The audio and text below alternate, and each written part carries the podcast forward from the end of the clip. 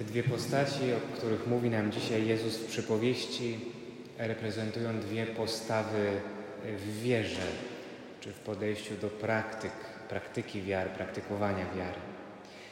Najpierw faryzeusz, który jest skupiony na przestrzeganiu prawa i gardzi celnikiem, chociaż nie zna jego serca, chociaż nie wie, jakie są trudności w życiu celnika. Czuje się od niego lepszy, bo, jak mu się wydaje, jest w porządku wobec Boga. On swoją nieskazitelność buduje na niedoskonałości innych. Nie jestem jak inni, mówi. W ten sposób przestaje dostrzegać własną słabość, przestaje dostrzegać własne błędy i grzechy. Właściwie taka postawa pokazuje, że faryzeusz nie potrzebuje Boga, ponieważ sam sobie wystarcza.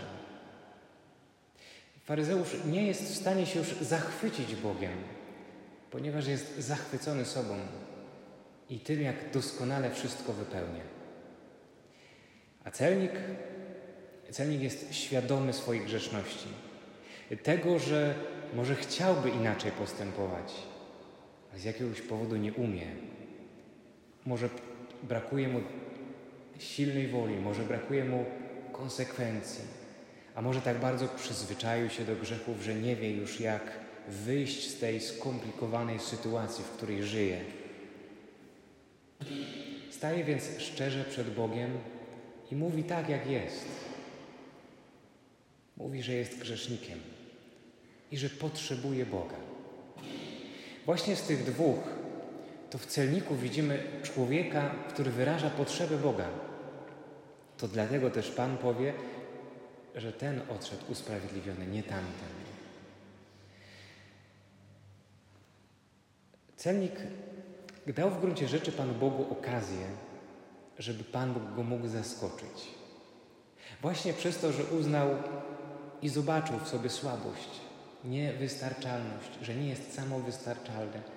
Dał możliwość, żeby Bóg mu się objawił, żeby mógł Boga doświadczyć w tajemnicy Jego cierpliwej miłości, Jego przebaczającej miłości, Jego miłosierdzia.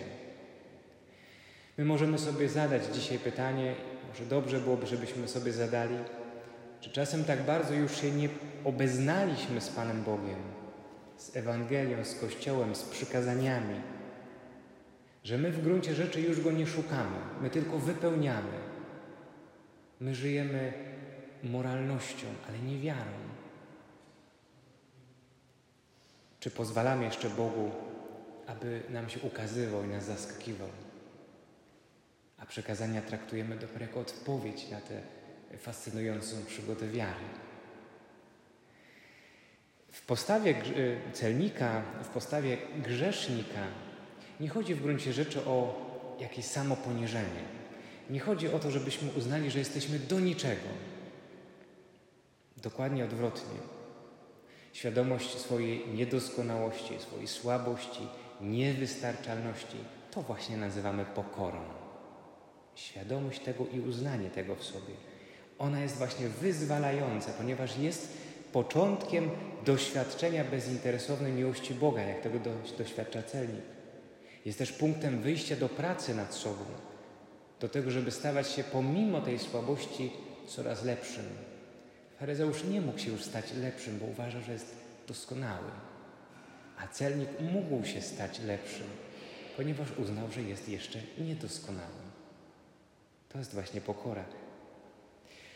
Świat nie lubi ludzi słabych.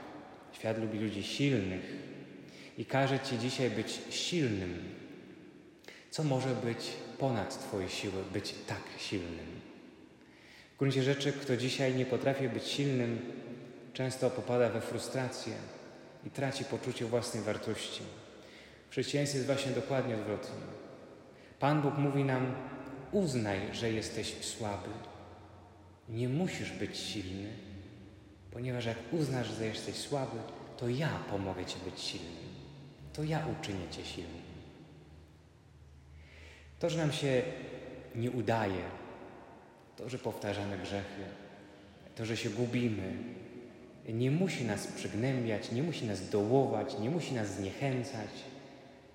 Właśnie dlatego, że możemy wciąż na nowo próbować, nie tracąc swojej własności, wartości, ponieważ wiemy, że po naszej stronie jest Bóg, cierpliwy w swojej miłości. To jest przesłanie tej Ewangelii. Może więc warto byłoby sobie postawić dzisiaj kilka pytań, trochę się z nimi zmierzyć, może odpowiedzieć na każde, może tylko na jedno z nich. Czy w swojej wierze zatrzymujesz się tylko na wypełnieniu przekazań, czując się może tym obciążony albo lepszy od innych? Czy wynika to z istoty, czyli doświadczenia Boga, za którym warto pójść? Czy czujesz się lepszy od innych, którym nie idzie zachowywanie przykazań albo w ogóle nie praktykują wiary? Osądzasz ich? A może wysłałeś już do piekła? Potrafisz spojrzeć na drugiego człowieka, grzesznika, tak jak ty, jak Jezus?